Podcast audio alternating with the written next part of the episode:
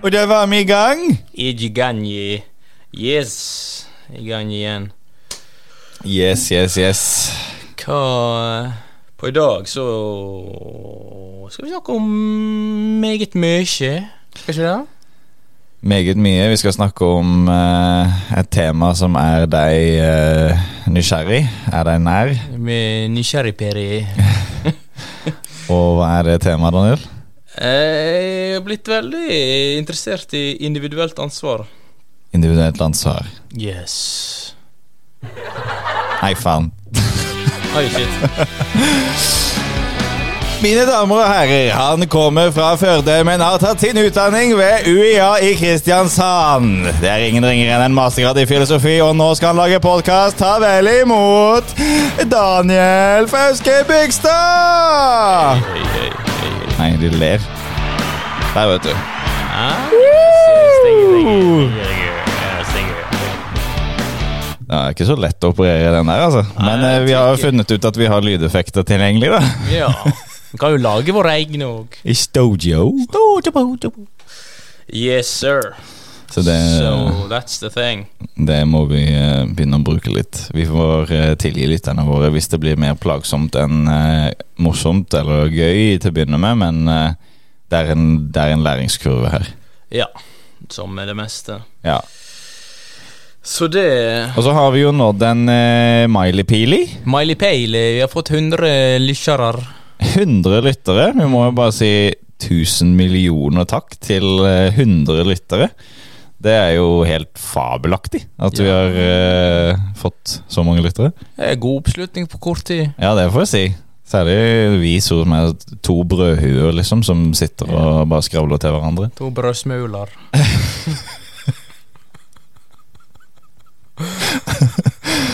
Ja. Yes. Nei, men eh, temaet i dag, da, var uh... Individuelt ansvar.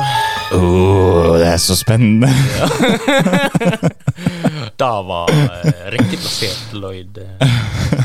Så ja, i dag skal vi snakke om individuelt ansvar og ja om litt sånn å se på om lever vi i individuelle ansvarets tidsalder, og se litt på individuelt ansvar i historien, og ulike syn på fattige og kriminelle, og andre former for ansvar som har vært eh, dominerende i tidligere historiske epoker. Og Vet du hva jeg tenker om individuelt ansvar som vi har det i dag? hva da? Jeg tenker at det er den absolutt beste formen for ansvar. Nei, det var feil. Ah, ja. Der, vet du. ja. Men eh, kan ikke du fortelle litt om eh, de forskjellige historiske epokene?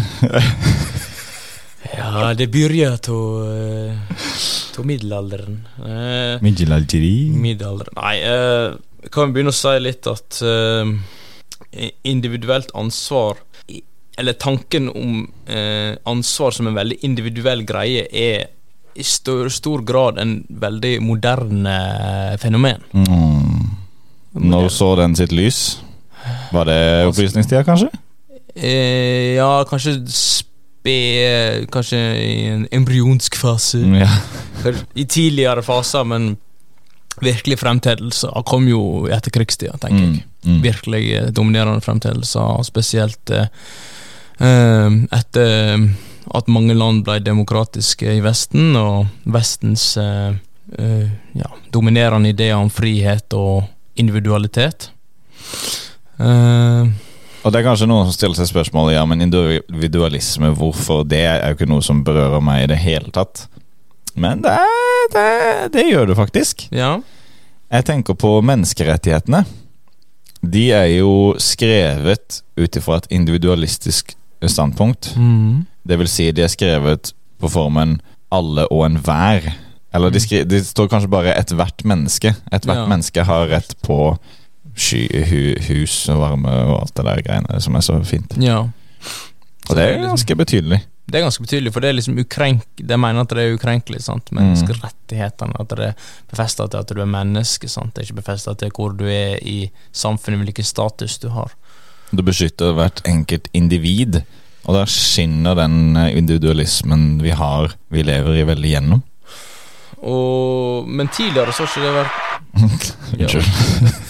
Tidligere så har ikke det vært tilfellet. Eh, Du tar for eksempel eh, Thomas Aquinas, en eh, 1300-tallsk eh, kristen filosofisk munk, mm. som eh, mente at eh, de kristne hadde plikter eh, og obligasjoner til å hjelpe de fattige i samfunnet.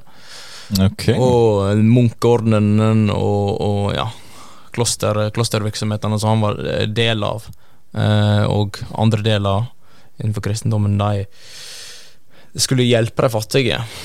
Han mente at samfunnet og, og staten bør hjelpe de som var mindre heldige da, og dårlig stilt. Mm. Og det er jo den gjennomgående tanken at når ofte når det er sånn fattige gjennomreisende, at en skal tilby mat og husly, alle skulle ha husly klart. Det er ikke alle, men de fleste i hermetegn skulle være klart hvis det vil forekomme. Det er veldig sånn rørende når du ser på film en sånn gjennomreisende protagonisten reiser gjennom, og så blir han tatt veldig Han eller hun tatt veldig godt imot, Ja. og møtt med mye sånn gjestfrihet og, og tatt vare på, da. Så det er Ja. en veldig sånn hjertevarmende tanke. Ja, og, og fra 1600-tallet og utover så eh, ble det eh, eh, Så ble familier lovlig ansvarlige for hverandre på lovlig vis. Oh, Eh, så det er jo en viktig lovlig skifte der. Og- det er vel at Mamji og Papji er ansvarlig for baby. Ja, mamma og pappi er ansvarlig for baby, og når baby blir voksen og mamma og pappi blir gamle, så er baby eh, ansvarlig for mamma og. Ah, ja, ja. Mm. Og slektninger, eldre slektninger. Så liksom slektninger er jo litt sånn Vi kan jo se sånne trender Eller sånn, ikke trender, det feil å si. Sånne tendenser i u-land, Mm. der familien og slekta er på en måte Nav og trygd og systemet. Ja. Det er jo det som har vært eh, gjennom historien den mest tilstedeværende løsningen. At Ja. familien løser det, ikke at en stat løser det. Det var ikke noe Nav i middelalderen. Han, eh, tror du Akvinas hadde likt Nav? Jeg tror, jeg tror Akvinas hadde likt Nav. Du tror det? Ja, Ja. det tror jeg. Norsk arbeids- og velferdsetat. Så dette med velferdssamfunn er jo litt sånn at hva, hva skal vi gjøre med de som havner utafor eh, velferdssamfunnet? Hvis alle, alle krykker er på plass, og alle bandasjer er tilgjengelige, og alle, alle sår kan leges, men likevel så havner enkelte, enkelte individ på, på sida. Mm. Prakteksempelet på det er jo hjemløse, Ja.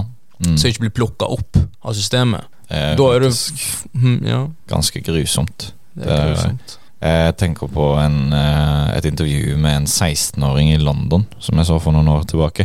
Ja. 16-åring som er hjemløs i London. Og London har jo eh, blitt eh, en sånn by hvor mange rikinger har kjøpt opp nesten hele nabolag, egentlig. Eller delvis nabolag. Som en investering. Fordi å eie et hus i et godt nabolag er en sikrere kapitalform enn penger i banken. Mm. Og aksjer. Ja, spesielt med tanke på fremtidsutsikter. Uh, Så, så eier de hus som står tomme, og så er det en stakkars 16-åring som har blitt kastet ut i dette livet i London, liksom. Det, det, det er liksom ikke noe fattig sted heller. Det er jo nei, det er jo en, en av de største byene, ja, hvis ikke Ja. Og galskap. Det, Men det er jo litt sånn at når vi tenker at ja, men alle strukturelle, samfunnsmessige, kollektive forhold er på plass, så hvis du ikke klarer deg, da er det av deg sjøl.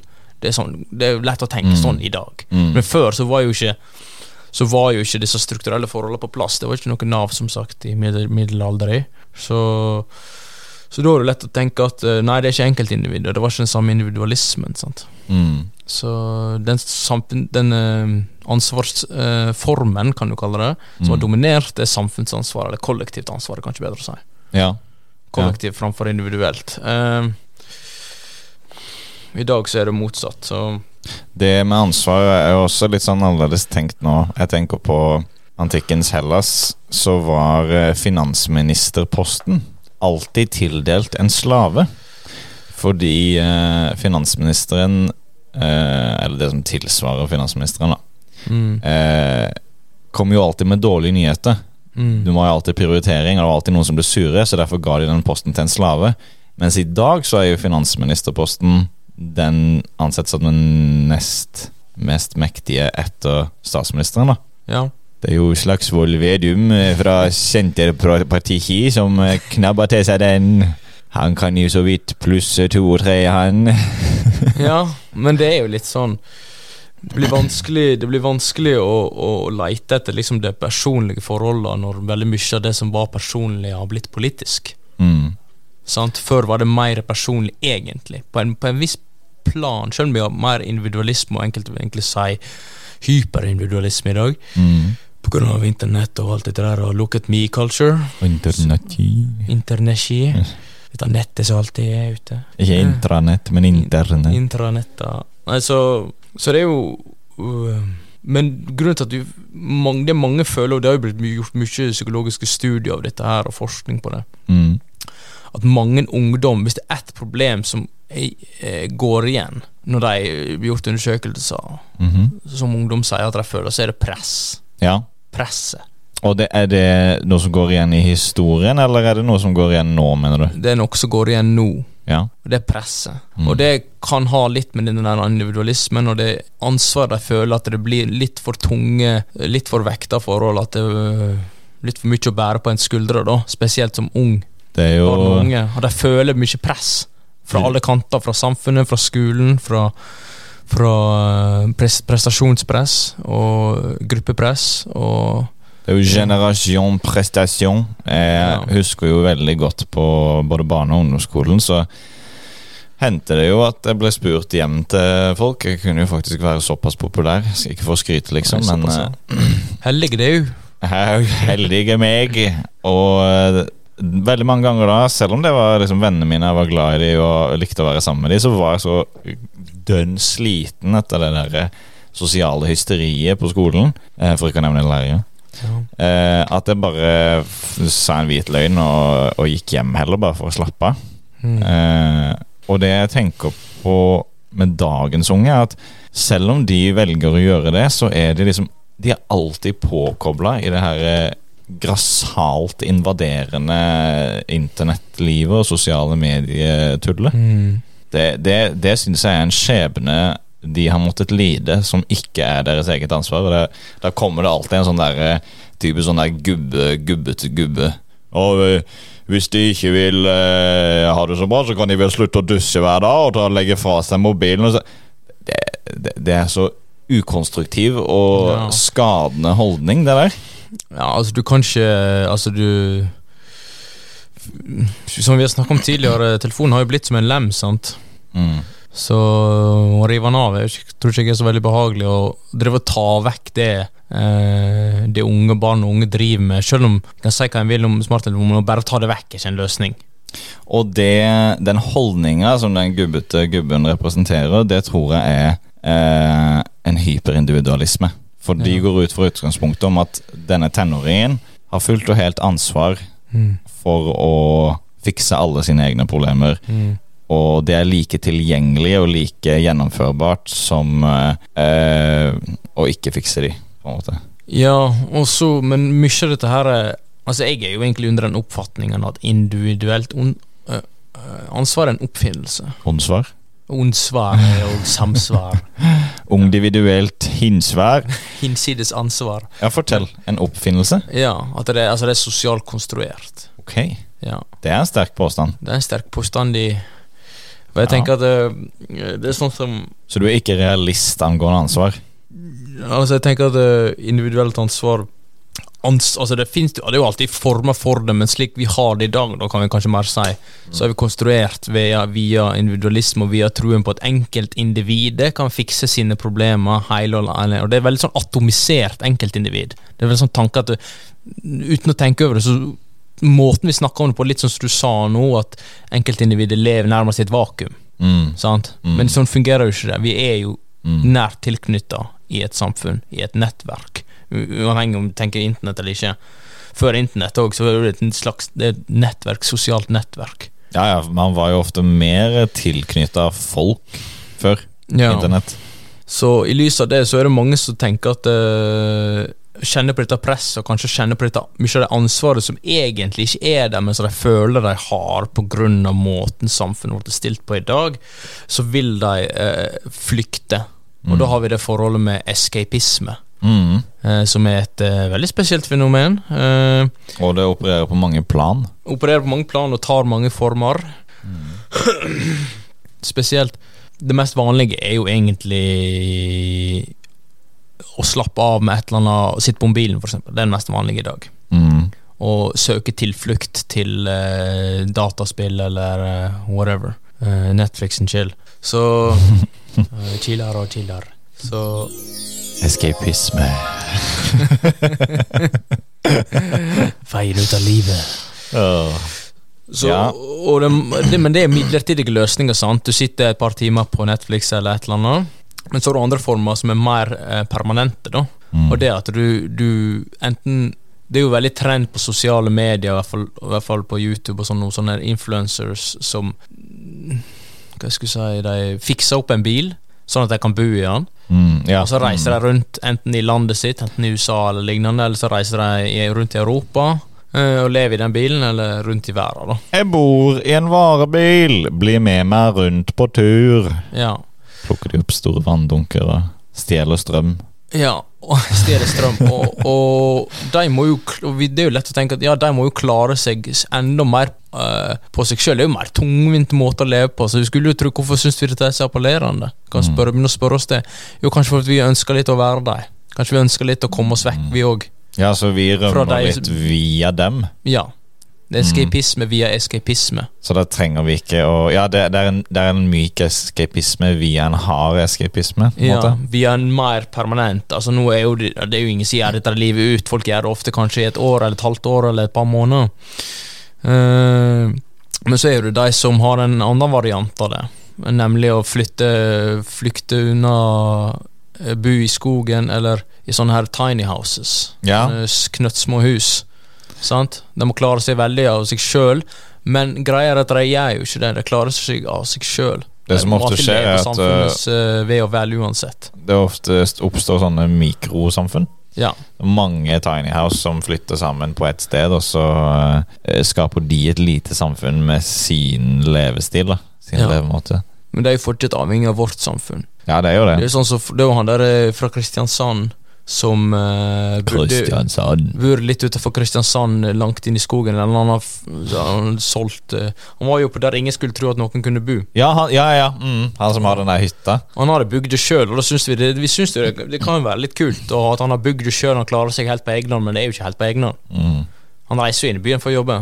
Men det er morsomt at du sier det, for ja, det er sant. Han, han uh, prøver jo liksom å rømme litt fra samfunnet. Ja. Escapisme. Men det er også en eh, der ingen skulle tro der noen kunne bo, episode fra Arendal. ja. Hvor det er en gubbe som eh, bor uh, fast på Mædø, som er en øy. En sånn sommerøy utenfor Arendal med masse sommerhus. Sånn, han er eneste fastboende der. ja. Og det er ikke Altså, på en måte så er det escapisme for han. Han, han, han, han har gjort det fordi han ønsker å rømme litt og, og få litt tid til å tenke. Og litt fred og ro. Men det er jo en enorm tjeneste for alle de som har hytte der. For det, han som fastboende passer jo på at det ikke oppstår store skader på boligene. Mm. Han tar liksom vare på øya og sørger for at sauene som er der, Litt sånn skogvokteraktig rolle. Akkurat. Ja. Og det er jo ikke minst en enorm ressurs for Arendal å ha en fastboende der, for å- i tilfelle noe skulle skje, ikke sant. Mm. Uh, så det med liksom å trekke seg ut i distriktet, det, det, det er jo uh, Nei, søren. Der. Det er jo uh, egentlig Det er sånn. Det er egentlig noe å juble for, så, så vel som å Nei, så vel som å, å liksom For sin egen del. Det er noe som Ja, å ha folk ute i distriktene, det, det hjelper Det gagner alle sammen. Ja, det er det.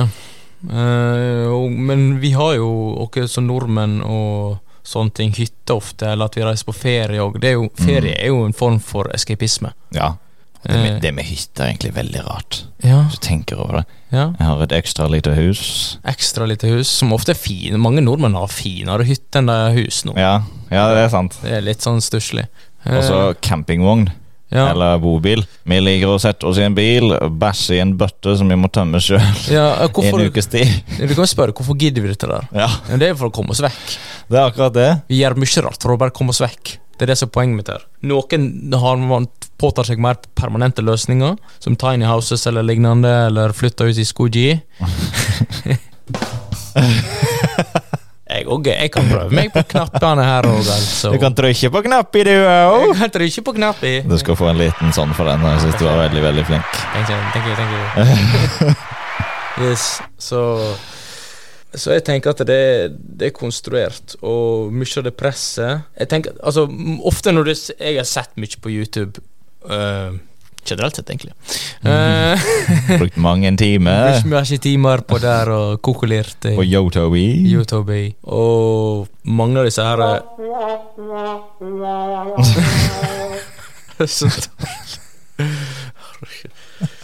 Og uh, mange av de s- arg reklamerer argumenterer for hvorfor de har valgt å gjøre sånn der. Jo, fordi at du vil, de vil komme seg vekk. De vil, de søke til naturen, og de vil ha, oppleve den frihetsfølelsen. Mm. Det høres veldig fint ut, og jeg er på en måte litt enig, men samtidig Jeg tenker at det er mindre det som ligger bakenfor, da. Det som de ikke sier, det som er liksom subtextual. Uh, Ja. Subtekstuelt. subtextualis. eh, det, så, at, at det er mindre det at de ønsker å oppleve en naturglede, og mer at de ønsker å komme vekk fra samfunnets byrde og Mm. stress og press. Ja. Det er altså, det er mer pisk enn en gulrota, tror jeg. Ja, det er som du sier, det er escapism. Det er liksom ikke, det er ikke en positiv motivasjon eh, mot noe. Det er heller at de, de ønsker å rømme fra noe. Ja. Rømningsvei Rømningsvei, og det er den eh, Kanskje den mest tilgjengelige metoden er å melde seg litt ut av samfunnet og leve det der distriktslivet. Ja. Kanskje bare det som er clou. Clue. Så det er jo nei, det er jo to forskjeller. Den ene, er jo uh, du, du, vil, du vil vekk ifra et individuelt ansvar. Du vil Mm. vekk ifra ansvaret, Mm. ens plikter og ens obligasjoner, eller ens såkalte plikter og obligasjoner. Eller du vil vekk ifra ens byrde, Mm. samfunnsbyrdene, og et brosje Og broski. Eh, og, og liksom Men det ene er jo Det mest vanlige er jo ikke det mest vanlige er jo at en bare vil liksom glemme det litt, på en måte. Ja. Det er det som er escapisme i sin mest vanlige form. En slags uh, midlertidig glemsel eller sånn. noe til et, folk sier ofte sånn 'Hvorfor liker du det?' Jo, for når jeg holder på med det her, så tenk, når jeg holder på med musikk, eller når jeg holder på med maling eller uh, sudoku, eller whatever, så tenker jeg ikke på noe annet. Det er ofte Mm. det du får, eller sånn Mm. 'Hvorfor liker du den aktiviteten?' Jo, fordi at når jeg gjør den, så tenker jeg på noe annet. Så Mm. aktiviteten er Ja, utenom at den er gøy i seg sjøl, så er det òg et slags medium for glemsel. Midlertidig glemsel. Eller ikke glemsel, men midlertidig fravær, da. Ja. Tilflukt. Mm. Jeg syns det virkelig hammer hjem det poenget at vi lever egentlig ikke ute i verden, vi lever inni hodet vårt. Ja. Så for når tankene våre ikke kommer inn på de tinga som plager oss, mm. selv om de tinga fremdeles eksisterer ute i verden, ja. så føler vi oss frie fra de så lenge vi ikke tenker på de. Ja. Og individuelt ansvar, hvis du koker det ned, er jo egentlig ens, eh, ens trua på at eh, Og tanken om at ens evne og eh, ens indre En har en jeg kan bruke disse indre tankene og følelsene til å påvirke eksterne faktorer Mm. eh, til det bedre, og at det er opp til en sjøl å gjøre det. For det er kun en sjøl som kan gjøre det. Mm. Som er veldig feil, for du lever alltid i et samfunn, sjøl om du stikker ut i skogi. Ja, det er veldig mange valg som er tatt for deg. Ja. Og eh, vil bli tatt for deg. Eh, Ja. Du får egentlig ikke eh, det er veldig mye så Du kan ikke bestemme hvilken eh, seng du ble født i, hvilken familie du fikk, hvilke lærere du fikk på skolen, hvilke Ja, veldig søsken du fikk. Hvilken lærer du fikk på skolen. Du kan egentlig ikke bestemme hva du vil fordype deg i, for det skoleverket er satt opp sånn at du må være god i alt. Ja. Du Det må, det er litt sånn satt opp til å være perfeksjonister. Det er satt opp til å legge press. Over hele fjøla. Ja, over hele fjøla. Mm. Og så det press, Men det presset har eksistert en stund, og så har det skolepresset som du snakker om, bare vokst og vokst. Mm. Og så har det sosiale presset blitt en ting Mm. som har blitt veldig sånn alltid overhengende av smarttelefonen. Og vi har veldig eh, en veldig finurlig måte hvorpå dette sosiale skolepresset finner sted. Dama mi er jo eh, gresk, har vært en del i Hellas og spurt henne og hennes venner og venninner om skoletilværelsen, da. Ja. Og det er klart, den er jo knallhard. Den er mye hardere enn det vi er vant med. ja, ok. Men uh, der er det Der er det tydelig for alle sammen fra første stund at læreren har absolutt autoritet, og elevene har eh, ingenting de skulle ha sagt. Og eh, det som skjer der, at det oppstår en slags dynamikk hvor eh, elevene kommer sammen. Ja. Så et resultat av det er at det er veldig lite mobbing på greske skoler sammenlignet med norske. Det er en sånn interessant ting med det. Så da er det en kollektiv løsning. Slags form for sånn gruppeløsning. Gruppebasert ansvar. på en måte det- At de samler seg sammen for å, for å løse På en måte, ja. På en måte, i hvert fall. da. Mens her i Norge så har vi den eh, disposisjonen at lærerne på en måte skal være venn De skal være venn med elevene. Mm. Individuelt, én til én. Ja. Ikke med klassen som sådan, egentlig, men med elevene. Og eh, det skaper en sånn uheldig dynamikk som åpner opp for mye mobbing. Selvfølgelig så strekker ikke læreren til, fordi det er for mye. Det er altfor mange elever å ha et sånn mentorforhold til. Det går bare ikke an. Og øh, den der litt sånn sære norske måten å ha det på, det, det et, Jeg syns ikke så mye om den. Jeg skulle heller ønske at vi befant oss i en mer sånn typisk situasjon som du ofte ser på film og sånn, hvor eh, lærerne er superstrenge og elevene holder mer sammen. Jeg tror det hadde vært bedre. ja. Så, men, men for å liksom eh, komme med litt sånn oppsummerende bemerkning her, så er jo ikke det at det er jo ikke det at vi ikke, enkeltindivider ikke bør ha noe ansvar. Nei. Selvfølgelig må du ha litt ansvar, men, det, men en kan jo spørre seg ja, hva vi søker vi en slags mellomting, en slags balansegang her. Eh, Personlig uh, så vil jeg si ikke helt en sånn her uh, midt imellom, uh, mellom, ikke helt kompromiss mellom det kollektive og det individuelle, men me, mer mot det kollektive. Mm. Men riktignok eh, Vi må ikke ha fullstendig fravrik fra Vi må jo forstå at vi har jo et visst aktørskap, sant. Ja. Så det, er jo, det blir jo banalt å gå i den ekstreme enden i hvilken som helst retning. Men jeg føler at vi er mer mot den ekstreme enden i det individuelle. Ja, du, du sa Mye slim i halsen i dag. Du, eh, du sa det at vi, du føler at vi er et Eller du tenker at vi er et hyper hyperindividualistisk samfunn. Ja. Hva legger du i det? At indiv enkeltindividet er o- overdrevet mye i fokus. Ja. At det er veldig fokus på ens indre Ens eh, indre følelser, ens indre tanker, og veldig på ens eh, eh, enkeltindividets daglige gjøren og laden. Mm. Spesielt sosiale medier. Sant? Se på meg, se på min frokosten min. Se på, Ja. altså, ta bilde av frokosten sin. Hvem, dere- hva er poenget med det? Hvis jeg tenker, det mer vi tenker over det, mer banalt fremstår det. ja, det er Altså, vi, ganske vi, vi, vi, du snakker om at influensere lever livet sitt som et åpent sår. Mm. Men lever ikke alle vi livet vårt delvis som et eh, Eller kanskje ikke som et åpent sår, men i hvert fall åpent. Ja, til en viss grad så gjør vi jo det. Vi ønsker jo å dele veldig mye med livene våre, tydeligvis. Og noe som jeg synes er en sånn veldig uheldig praksis, er å legge ut bilder av barna sine på sosiale medier. Ja, det kan være litt problematisk. Og det som òg er problematisk, er jo mer når ting begynner å bli mer økonomisk. sant? Mm. At folk tenker at ja, men du kan løse dette sjøl, eller at Sånn som han der eh, Nikolaus eh, Nassim eh, Taleb, eller hva sånn han heter. Nikolaus Badou. Han skrev et veldig Han har jo dokumentert veldig godt, egentlig, syns jeg, i den boka 'Fooled by Randomness'. Ok. At veldig ofte når vi tenker at det er enkeltindividet sin suksess, så er det egentlig tilfeldige eh, vilkår som har gjort at den eh, opplevde suksess. Ja, men vi ser et mønster der. Vi krever jo mønstre, vi Vi- krever svar. Vi krever mønstre og setter ting i bås i, så Nei. Eh, Jeg trekker alltid feil. Bausi, ja. Sett ikke på Boshi. Setter på Boshi, Boshi. Og, og tillegg så Det er en konspirasjon. Og så har vi tankene om oppovervendt mobilitet i USA, ve ve ve veldig dominerende i USA. Ja, The American Dream, at man skal klatre i de sosiale Stigende, ja. Ja. Amerikanske drømmen særlig, men òg ja, egentlig denne rags to riches. eh, Self-made man. Self-made man, self-made biller, det finnes det jo ikke. Nei, Det det, er heter self-made. det er noe som han eh, Jeg faktisk så en eh, god tale av eh, Arnold Arnold Schwarzenegger Ja. When eh, he was governor of California. Tenk det. Tenk det, at han var guvernør av staten Ja. California. Det er ganske vilt. Kroppsbygger, guvernør Ja. og skuespiller. Skuespilli. uh, og han uh, ble spurt uh, Arnold, how does it feel to be a self-made man? Så sa han I do not believe there is such a thing as, as a self-made man.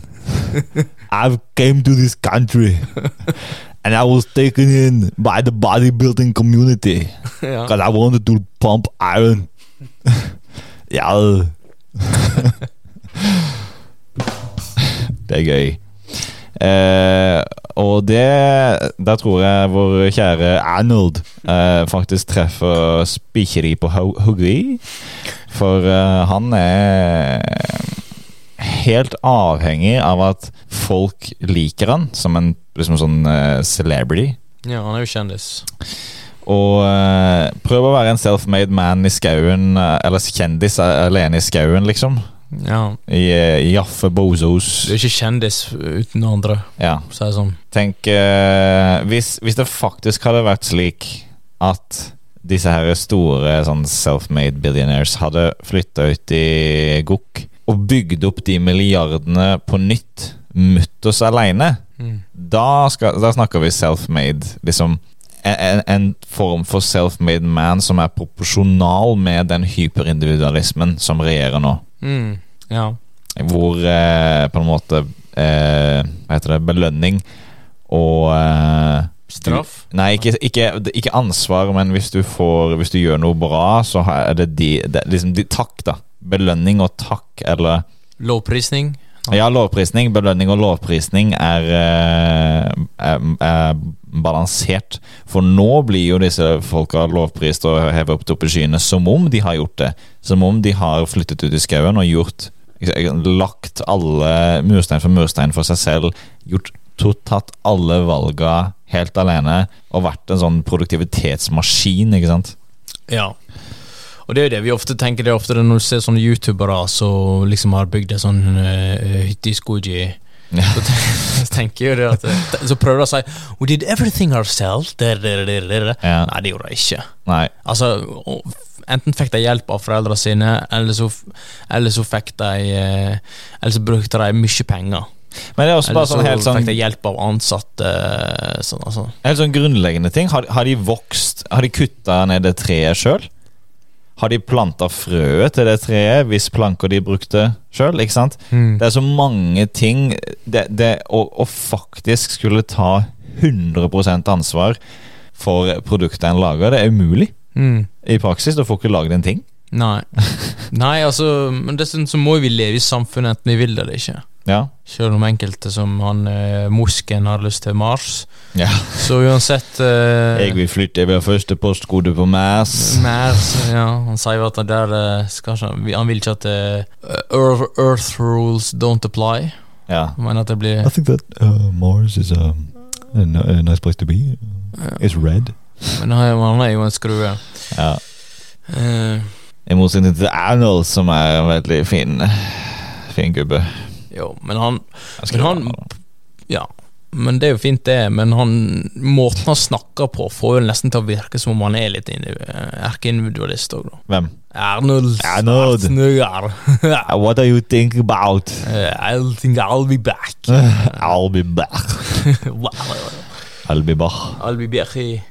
Så, men nei, nei, det er liksom måten han snakker Forteller sin, sin life story, da. Sin fortelling. Sant? At jeg klatra fra ditt til dit, og så er det dit, og alle tenkte Alle sa du kommer ikke til å klare deg, alle oddsa var imot meg, men likevel så kom han gjennom det. Ja, ja. Så du, selv, selv man ikke Nå skal jeg ikke si at han er erkeindividualist, men uh, For det vet jeg ikke, men, men måten du han, han eh, fram den fortellinga, får det til å virke som om han er helten. helten.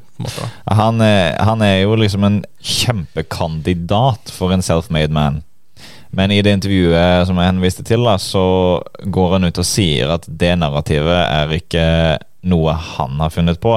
Eh, og så henviser han til alle disse uh, communities, da, de her samfunnene som har tatt han inn eh, og hjulpet han. Altså, han, han gikk Ja. ikke til gymmen alene. Nei. Han hjalp eh, Han hadde med seg han, Når han ble, ble um, Mr. Universe. Så hadde han jo med seg en uh, treningskamerat hver eneste dag som hjalp han og motiverte han, ikke sant? Ja, Frank Colombo. Yes, stemmer det. Frank Colombo. Frank Colombo. It's amazing to lift weights. Ja, Strudelschnitzel. Ja. Yes. I eat my strudel, I go to the, to the gym, I lift weight. Ja. Yes. Nei, så, så Men, vi, men vi, kanskje, kanskje noe av grunnen til det er at jeg sier det, litt fordi vi er glad i den der hero's journey, Mm. på en måte. Den der, eh, vi, det er klassisk klisjé om filmen der Uh, hovedpersonen begynner liksom helt nede på randstigi, Mm. og, og liksom har oddsa imot seg, og, og kanskje skurken eller antagonisten er liksom allerede på toppen. ja. Og så skal den mm. hovedpersonen klatre helt opp til der den er, og kanskje allerede overgå den med ja, i løpet av en time, sant? og så skal han ha litt sånn kort, eh, veldig bratt trene læringskurve og komme seg opp. Og, Vi elsker en David og Goliat-historie. Ja, det er klassisk David og Goliat. Ja. Lille David beslår alle oddsen, og en vesentlig del i den historien er jo at David er snill. Ja. Så da er vi veldig ofte, når vi ser ut i det virkelige samfunnet, villig til å liksom tolke disse personlighetene som kanskje er litt sånn moralsk ambiguøse, Mm. tolke de som snille, ja. for å la tvilen komme til gode.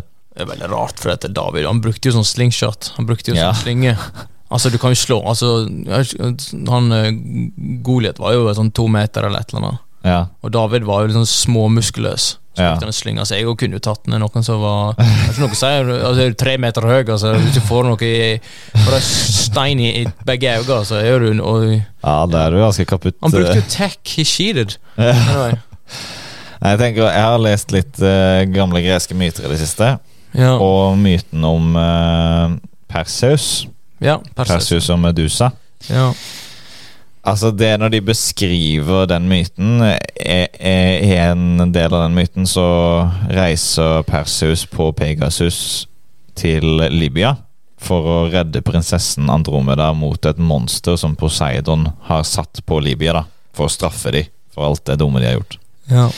Eh, og når, du, når de forteller om liksom hvordan Perseus kommer på Pegasus svevende ned sant, med sverdet og kapper av det ene hodet på den her eh, flerhodede sjøormen, og så dukker det bare opp en nytt Det er sånn, Jeg dåner jo nesten når jeg leser det. Det er et sånn utrolig estetisk bilde. Mm. En helt. ja. En hero. Hero. Iros. Og eh, det, den, den derre Jeg tror vi har en sånn eh, Ønske om å være den personen, på en måte. Ja, vi har ønske om å være den personen. Det tror jeg absolutt. Noen av oss har nok det. Ja. Og så tror jeg, hvis vi ikke har det, så har vi nesten definitivt et ønske om eh, Å klare oss på egen hånd. Nei, å, eh, å eh, eh, ha en sånn helt i livet vårt. Eller i samfunnet vårt. Ja. Vi, vi krever at samfunnet vårt eh, produserer helter. Vi lyster etter helter. ja. Sånn estetisk, eh, estetisk lyst, da. Som kan hjelpe oss alle, liksom. Så kan liksom flokken kan følge en eller annen form for uh, gjeter, da, på en måte. Ja, ja, akkurat. Altså, som har liksom tatt på seg det her hyperindividuelle ansvaret og klart det, og nå skal vedkommende vise vei, ikke sant. Ja. Det er jo bare tullball i. Ja. Det er nok i aller største grad en historie vi har forteller oss selv.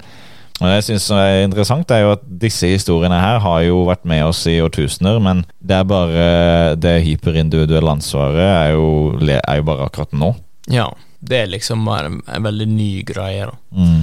Og så, ja Og escapisme har jo òg på en måte eksistert i ulike former.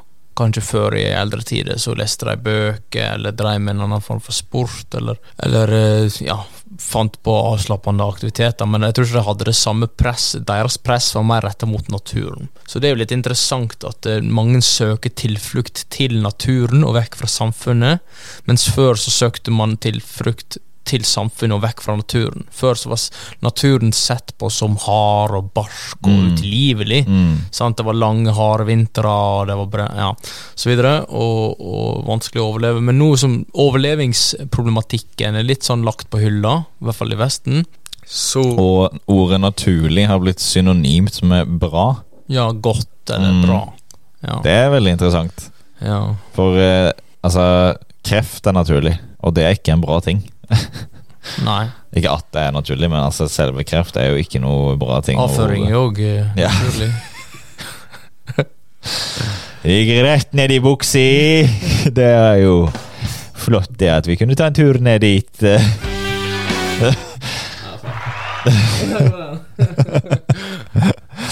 Det er viktig å prøve seg litt fram. Ja, ja det, men det Jeg skal ikke kimse av det der med natur, altså, for naturen eh, Vi gjør jo så godt vi kan i sivilisasjonen for å bygge den sånn at den skal være så sterk og komfortabel som mulig. Mm.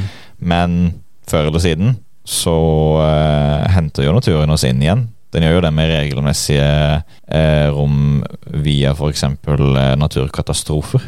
Ja. Men også, jeg tror det er litt sånn tanke på det aspektet at det er midlertidig, er noe vi som er veldig viktig her, tror jeg. jeg Fortell litt om det. Hva, Fordi at uh, Altså, det er jo det er litt sånn hvert fall på Nei, det var feil. ja, Det er moro! Veldig moro! Lattergassi. så Så, så uh, Luthergussi. Lutorgosi. Fordi at camping Camping. eh, Når du tenker camping, så er det, jeg tenker det er koselig og det er gøy og litt sånn, men jeg kunne ikke bodd sånn som det der. Skal vi være ute i naturen og campe litt? ja. Kunne vi ikke Eh, bodd med et bål? mens, mens du Mens det er jo sånn Jeg så en sånn cartoon-vits, men jeg syns egentlig det var litt sånn innsiktsfullt, selv om det var litt sånn morsomt. Og det var litt sånn eh, Det var noe som var campa, da. Mm. Og så ved sida av campingvognene og alt det utstyret, så var det en uteligger. Ok. Så bare, ja ok Og så var liksom vitsen at ja, ja dere, dere bare later som dere. Dere bare gjør dette på liksom, men dette yeah. er faktisk livet mitt. Yeah. Sant? Ingen Ja. ville hatt hans liv, men vi kan gjerne tenke oss å reise ei helg eller på camping. Altså, skjønner du hva jeg mener? Det er litt sånn tragikomisk. For når det blir en permanent løsning, så er du liksom offer for uh, naturens uh, nat naturens krefter. Ikke sant? Mm, ja. Mens når, du, når, du, når du gjør det liksom bare simulert, på en måte Mm. eh, At du, fortsatt, du er fortsatt eh, innenfor uh, trygge vilkår. Du kan, tanken om at du kan reise hjem når som helst, at du skal bare gjøre det i et par dager, kanskje ei uke topp, toppen to, eller noe sånt, Mm. Uh, gjør jo at det, det, blir, det blir ikke så ubehagelig. Og så har du med deg all denne ballasten fra samfunnet når du skal ut i naturen. Sant? Ja. Og så folk som sier 'Jeg har bygd dette helt sjøl ute i skogen'. ja. Sånn, altså Bullshit. Du Ja. har brukt dritmye penger, og pengene har du fått fra samfunnet, og du har all, omtrent alt materialet, sikkert mindre du har hogd ned tre sjøl, har du bygd. Og den skogen du hadde, er jo skog som er blitt holdt i fred fordi vi kunstig lar den hold, hold, den i fred. Mm. Så Det- du kommer ikke unna den, altså. Penger i seg selv er jo en uh, ting som hadde bare forsvunnet hvis vi faktisk hadde vært hyperindividualister. Ja. Du kan jo ikke Hvis eh, jeg kommer med noe papir Mm. og sier at dette er verdt 10 000 kroner, så, så, så er det jo helt avhengig For at det skal funke, så er det jo helt avhengig av at alle som jeg sier det til, er enig med meg. ja, det er en kontrakt sosial. Det er en kontrakt sosial, og ja. den, eh, den kontrakt sosial, den, den vil jeg heller ikke kimse av, for den eh, bærer med seg mye, mange konsekvenser, eller fornuftige konsekvenser, mener jeg da, som egentlig ikke, som egentlig ikke følger. Hvis vi tenker litt på for eksempel eh, det at eh, pengene kan Pengene går jo liksom litt rundt i samfunnet som blod. Det går i en slags sirkel, ikke sant? Ja. Syklus. Yes. Og eh, Syk syklus. en sykeklus En syk kluss. Og eh, der eh, vil med de pengene, er at vi, lydeffekt i kan også være analogi. Ikke aldri til poenget, vi. Har vi lydeffekter. Ja.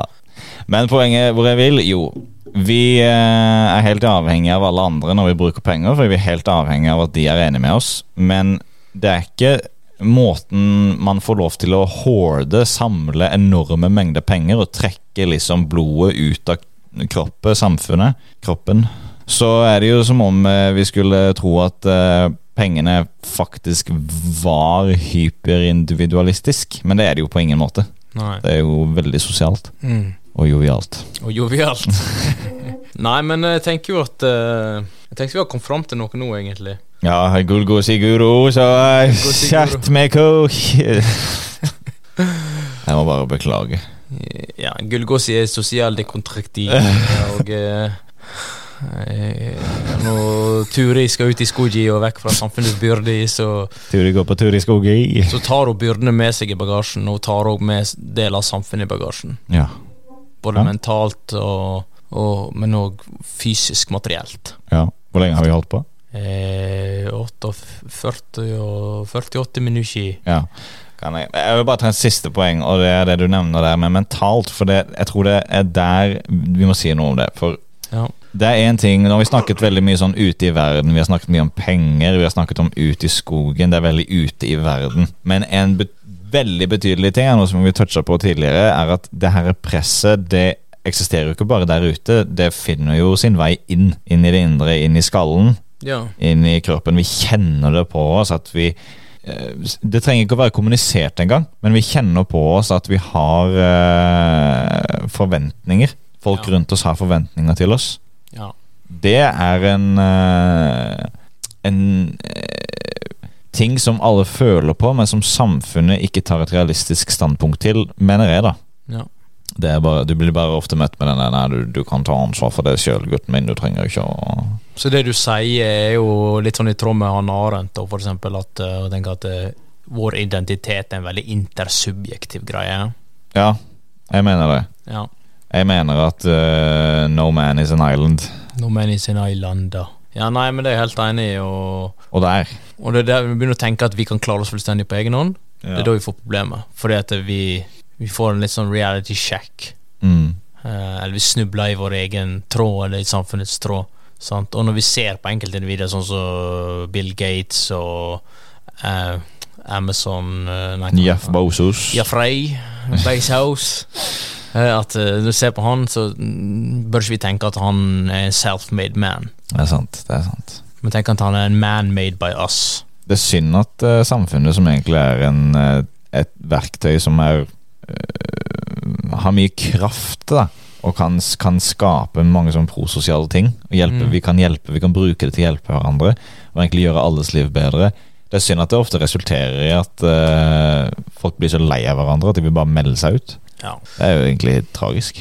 Men kan vi si da, um, konkluderende bemerkninger, at Jeg tror det er det du sa, at vi må uh, Det individuelle ansvaret Du sa noe nå før jeg avbryter. Eh, at det, det er en Det er En er ansvarlig for sitt eget liv, men en bør forstå at sitt liv inkluderer samfunnet, altså andre.